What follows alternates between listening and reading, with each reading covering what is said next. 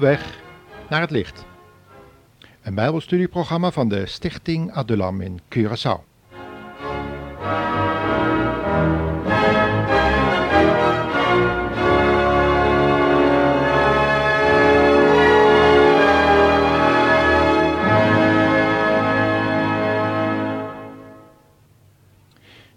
U kent allemaal wel de geschiedenis van het volk Israël. Wanneer we aan Israël denken, dan denken we aan allerlei grote conferenties, aan Palestijnen, aan Syriërs, aan Egyptenaren en aan Amerika. We denken allemaal aan de Zesdaagse Oorlog, de strijd om de Golanhoogten. We denken aan de strijd van elke Israëliet om zijn land te behouden. Een land wat door God is beloofd aan de nakomelingen van Abraham. Het lijkt erop dat in de tijd waarin we nu leven opnieuw een zekere jodenhaat te bespeuren valt. Hoe komt dat nu eigenlijk? Dat steeds weer in de wereldgeschiedenis dit volk zo wordt achtervolgd en van de aardbodem lijkt verdwenen te zijn op sommige momenten, en dan toch weer als een opstanding uit de doden naar boven schijnt te komen. In Nederland kennen wij in Zeeland, een land wat aan de zee ontrokken is, het spreekwoord luctor et emergo, ik worstel en kom boven. Dan slaat dat op het feit dat de Nederlander lijkt uit de klei getrokken te zijn, een land aan de zee ontrokken, om daar op te wonen en een land van te maken en te bebouwen, zodat het vrucht kan voortbrengen. Maar van Israël zou hetzelfde gezegd kunnen worden. Het is een land wat door God aan een volk is gegeven wat niet anders was dan alle andere volkeren op de wereld, maar door God is uitverkoren, zodat het Ami en Rugama zou zijn, mijn volk. Nu is het tijdelijk door de komst van de Heer Jezus en de Messias die verworpen was door de Joden, is het opzij gezet. Tijdelijk, zeg ik. Want Paulus denkt aan dat volk Israël nog steeds via zijn woord. Laten we voor vandaag eens lezen in Romeinen 11, vers 11, waar Paulus spreekt over de, zijn volgelingen, maar ook over de Israëlieten, zijn broedervolk. Hij vraagt: Zijn zij gestruikeld opdat ze zouden vallen? Dat zij verre. Maar door hun val viel het heil de heidenen ten deel, opdat zij hen zouden nastreven.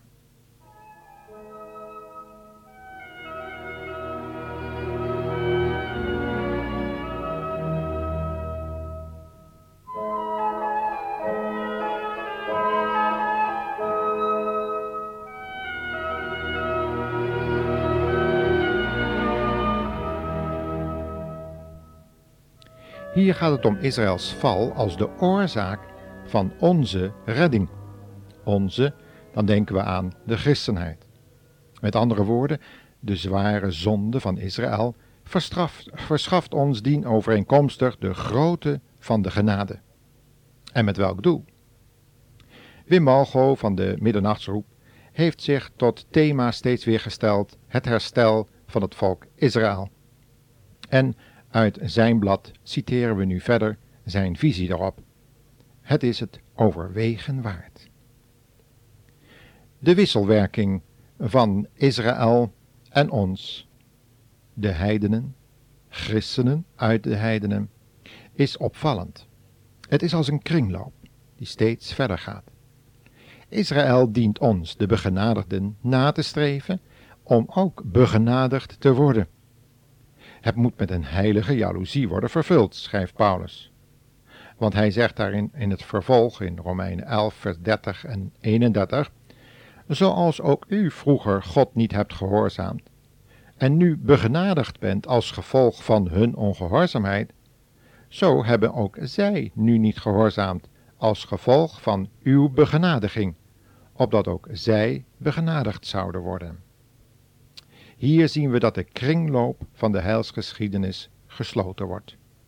Eerst valt het heil de Israëlieten ten deel, dan de gemeente en dan, na de opname van de gemeente, opnieuw weer Israël.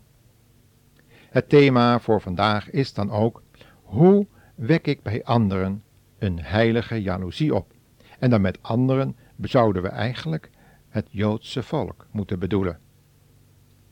Als wij als opdracht hebben Israël jaloers te maken op de genade die we in de Heer Jezus hebben ontvangen, dan komt dat omdat de schrift aanneemt dat onze omgeving ons al nastreeft.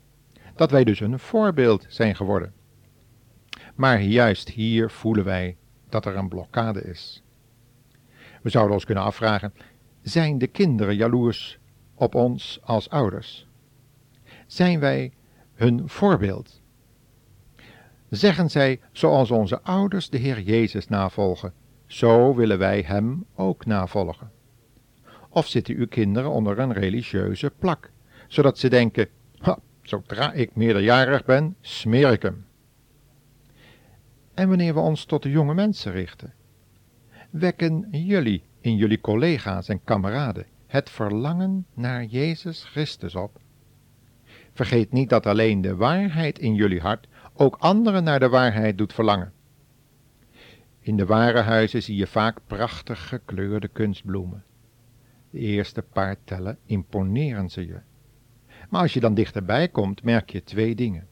Ze zijn hard en ze geuren niet.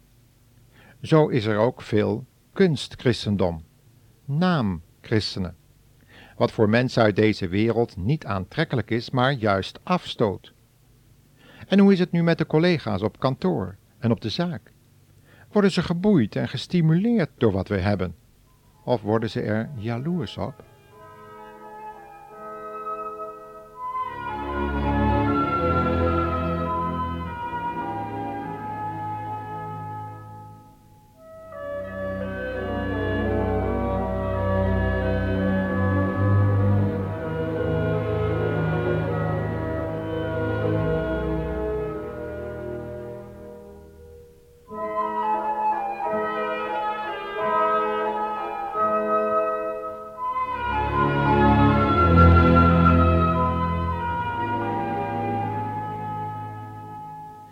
Echte blijdschap werkt aanstekelijk.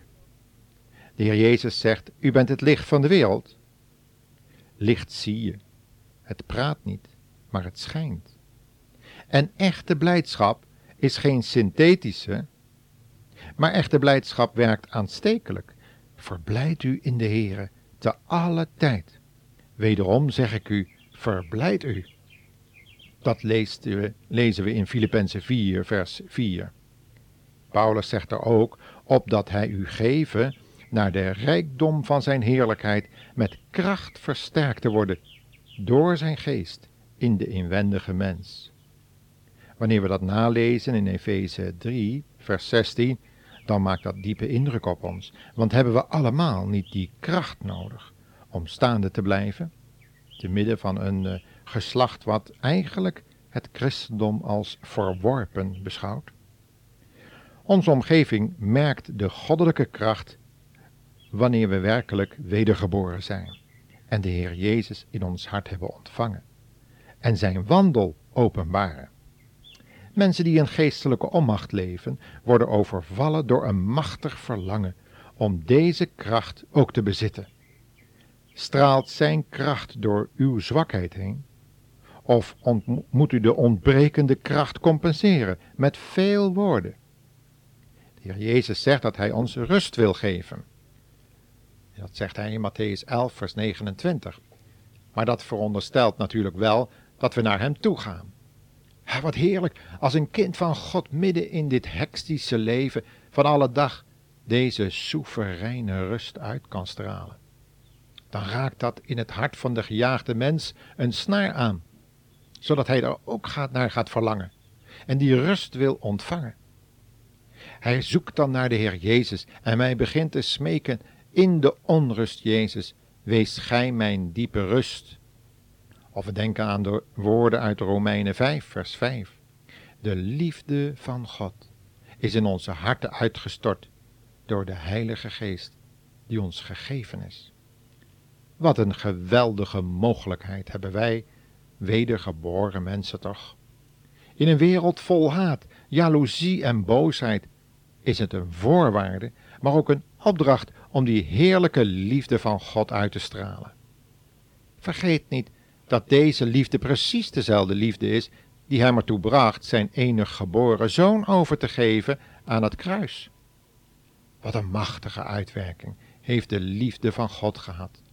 En dat heeft zij ook vandaag nog, via u, luisteraar, die een kanaal wil zijn van deze liefde. Heeft u zich al opengesteld voor die liefde van God?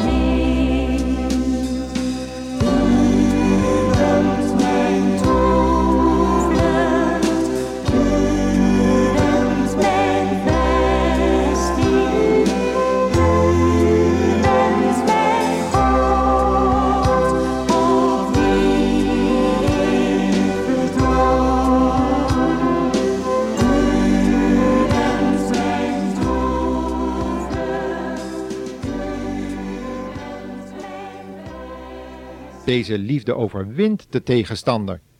Zij overweldigt zelfs de hardste mens.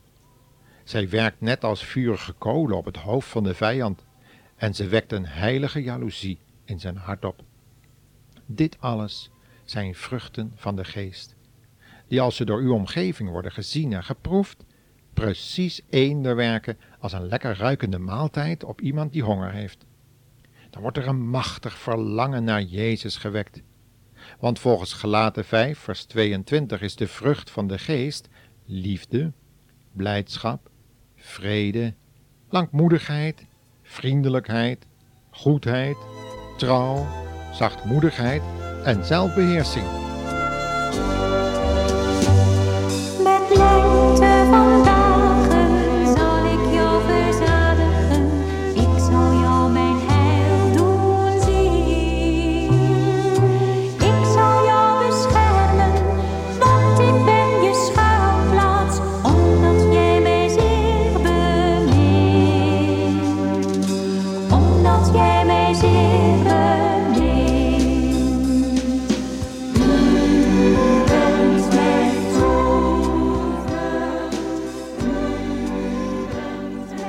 Constateren dat al deze vruchten bij u niet gevonden worden.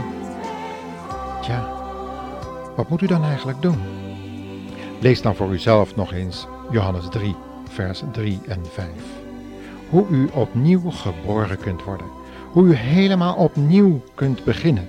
En die heerlijke toevlucht, de Heer Jezus Christus, kunt vinden. Die voor u als een rots, een schuilplaats wil zijn